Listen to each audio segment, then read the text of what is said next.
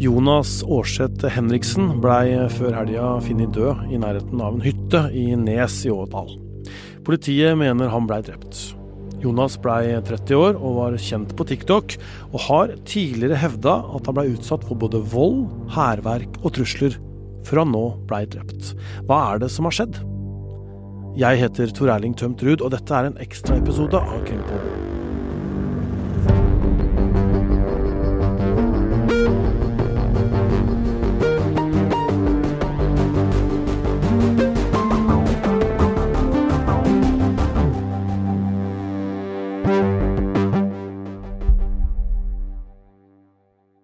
Ja, Øystein Millie, nå er vi her på mandag, og det har vært mye om eh, drapet på Jonas i mediene i helga. Eh, hva er det vi står eh, overfor her? Først og fremst så handler dette om et drap med ukjent gjerningsmann eller gjerningsmenn. Ingen er pågrepet foreløpig, og det er jo en veldig veldig spesiell sak. fordi at for det første er det jo en et offer her som eh, var ganske kjent, eh, i hvert fall i lastebilmiljøet. Han hadde jo en egen var en egen TikTok-stjerne blant lastebilsjåfører, og han har vært med i podkaster. Og uh, har også henvendt seg til podkaster nå nylig med historien sin. Og det er også sånn at det er et bakteppe her. Han har vært utsatt for, for trusler, og uh, så blir han da funnet død. Politiet gjennomfører da en eh, åstedsundersøkelse, sender eh, den avdøde til eh, obduksjon.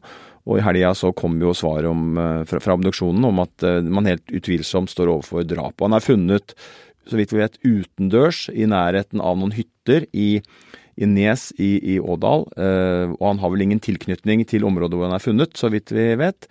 Så, så dette er et selvfølgelig et forferdelig drap. og det er veldig mange ubesvarte spørsmål her som politiet nå forsøker å nøste opp i, eh, og som kanskje en dag kan eh, føre til en, eh, en løsning.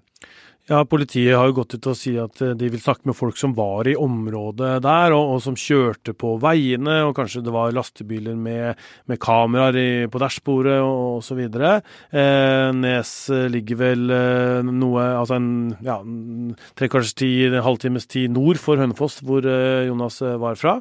Eh, men dette her, han ble, han ble funnet da på torsdag ettermiddag, er det vel. og og politiet sier at det er et eh, mistenkelig dødsfall. Hva, hva, hva ligger i det?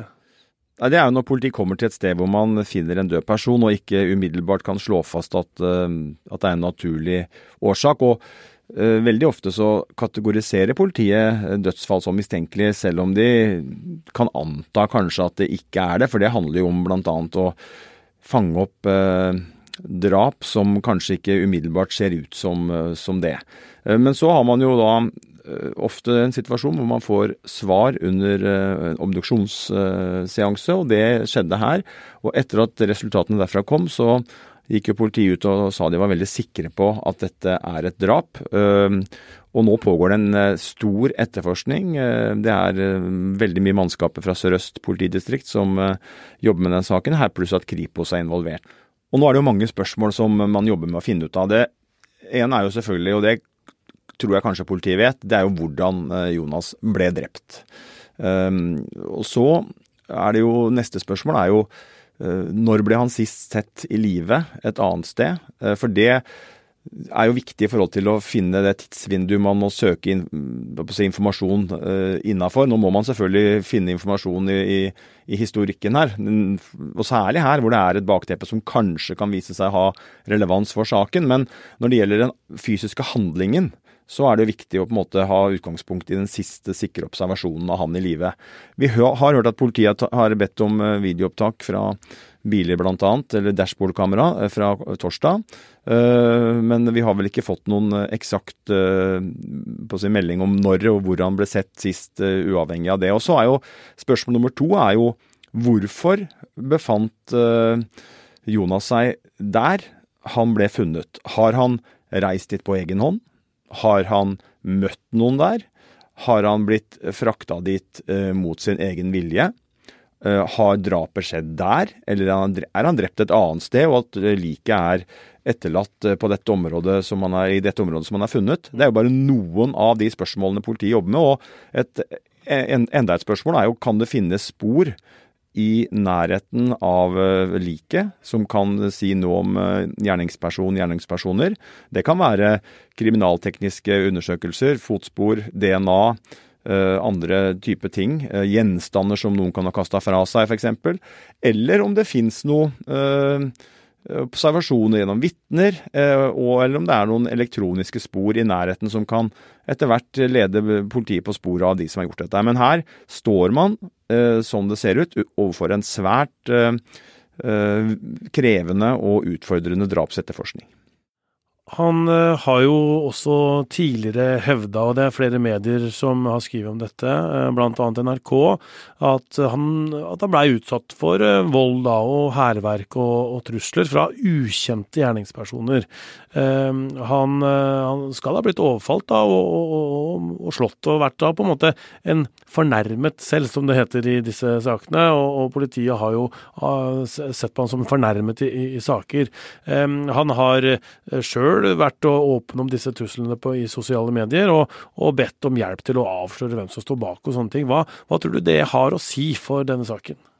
Ja, Det må jo politiet finne ut av. Og det kan jo hende at eh, drapet henger sammen med dette bakteppet. Men man kan jo ikke låse seg til en sånn eh, teori, så det må man jo ha et eh, åpent syn på. Så nå handler det om for politiet å utlede en del hypoteser uh, og forsøke å finne svar på en del av de spørsmåla som jeg gikk igjennom. Uh, og da vil man jo gjennom det arbeidet der og kanskje kunne etter hvert se at noen hypoteser styrker seg, andre svekker seg. Og da vil en av mulighetene være at hypotesen om at det henger sammen med at han har vært utsatt for ja, det er vel både vold og hærverk i, i, forkant, at det kan ha med dette å gjøre. Men det kan jo også være det motsatte, at man finner helt andre spor som leder i en annen retning. Jeg merker meg at uh, politiet uh, til NRK sier at uh, de ikke ønsker å si så mye nå, slik saken står.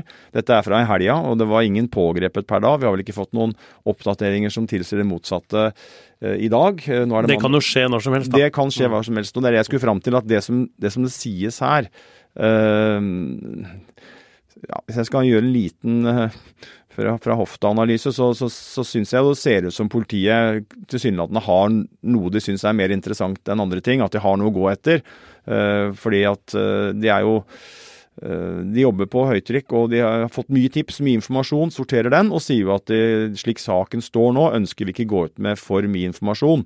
og det er klart, det får vi håpe bunner i at man sitter med konkrete opplysninger, kanskje, som man forfølger akkurat når vi sitter her. og Kanskje kan det komme en, eh, en løsning ganske raskt, men man må også ta for, høyde for at denne saken den kan komme til å, trekke ut. For det kan være sånn at dette drapet er øh, planlagt. Eh, det vil man også se litt etter hvert nå. Hvordan, ut fra hvordan åstedet er og hva man finner av spor i ja, de første dagene. Men det er, ja, det er, det er en det er en krevende sak som, eh, som eh, politiet står overfor. Så er det jo da en familie og, og venner og bekjente som, som, da mm, har fått sjokk eh, og er i sorg nå. Eh, Jonas får jo eh, veldig mange fine lovord eh, av folk som eh, kjente ham godt, og, og, var jo da veldig populær på TikTok. Hadde over 50 000 følgere, og, og var vel også ja, på en måte en, som snakka opp eh, lastebilyrket og, og, sånt. Da. Jeg leste også at han var norgesmester i proffklassen med med å legge på kjetting. Ja, det, det er bra jobba, det. Det er eh, absolutt. Og han er jo en, eh, eller var en, eh, en veldig bilinteressert, lastebilinteressert mann. Han har jo vært gjest i, i podkasten til Jan Erik Larsen, en, en, bilprofil som mange vil vite hvem er. Og ja, det er en mann som har hatt en fremtredende offentlig rolle i, i lastebilmiljøet, som da samtidig har blitt utsatt for flere episoder som uh, nå, etter at han er funnet drept, uh, selvfølgelig er veldig interessante. Så dette er en uh, veldig spesiell sak som vi står overfor.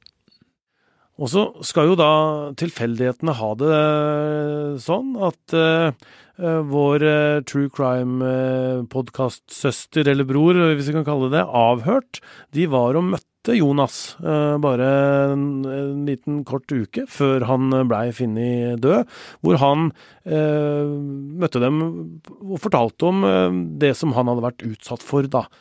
Ja, og det skjer jo fra tid til annen at vi får eh, henvendelser fra, eller det skjer ganske ofte at vi får i mediene henvendelser fra folk som har en historie å fortelle, eller har noe de vil ha, på å si, anførselstegn, hjelp til fra mediene. Eh, og det at eh, Jonas var i kontakt med avhørt så kort tid i forveien nettopp om sin historie, det sier meg at han kanskje hadde en spesiell grunn, at det var noe som trykka på som gjorde at han akkurat nå var opptatt av dette. Og det er jo det er jo noe av det jeg tenker politiet må undersøke og se på, er jo om eh, var det noen spesielle eh, elementer som gjorde at Jonas eh, nå var veldig mer opptatt av saken sin enn en ellers? Har det vært noe nye trusler, nye episoder? Har han funnet informasjon som gjør at han ville ta tak i dem på den måten at han har vært i kontakt med, med, med våre kolleger i avhørt? Det, det tenker jeg er, er svært interessante spørsmål som politiet Eh, helt sikkert kommer til å, å se på. Krimpodden eh, følger også denne saken eh, videre. Vi jobber jo nå med hva vi skal publisere på torsdag. Jeg er ikke helt sikker på hva det blir ennå, men det kan godt hende at, at, dette er et spor vi følger. Ja da, denne saken kommer vi til å følge uansett hvordan vi legger det opp videre fremover. fordi dette er en, som jeg har vært inne på, en veldig, veldig alvorlig, spesiell sak. og det er mange elementer her som eh, er verdt å belyse. Vi kan jo også nevne Tor Erling, i forhold til politiets jakt nå, at man har jo bedt hytteeiere om å sjekke rundt eh, hyttene sine om det har vært eh, noen i nærheten av dem. Man går bredt ut. og av og til så har man sett drapssaker hvor politiet umiddelbart ikke har noen mistenkte, men så går det bare kanskje noen timer eller et døgn før man har anførselstegn oppklart saken, i den forstand at politiet tror de har riktig mann eller også kvinne. Eh, men her har det nå gått noen døgn, og vi ser jo at man eh, går ut med ganske mange og brede etterlysninger, og det sier oss jo at dette kan bli en, eh, en langvarig etterforskning før man forhåpentligvis kommer frem til et svar.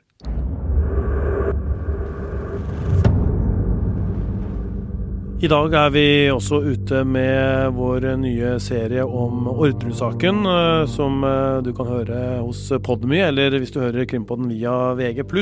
Og det er jo også en sak som vi skal følge i høst. Det er det, og grunnen til det er jo at Orderud-saken snart er ferdig utredet av Gjenopptakelseskommisjonen og skal opp til behandling. og da kommer vi til å gå gjennom den, og både de gamle tingene som ligger der fra 1999, 2000, 2001, men også da en del nye elementer, påstander og spor som har dukka opp opp gjennom årenes løp. Mm. Krimkommentator Øystein Milli var med i denne ekstraepisoden av Krimpodden. Redaksjonen vår består også av Hanna Espevik og Ruth Einevold Nilsen. Produsent er Vilde Våren, nyhetssjef Emilie Hall Torp, og jeg heter Tor Erling Tømterud.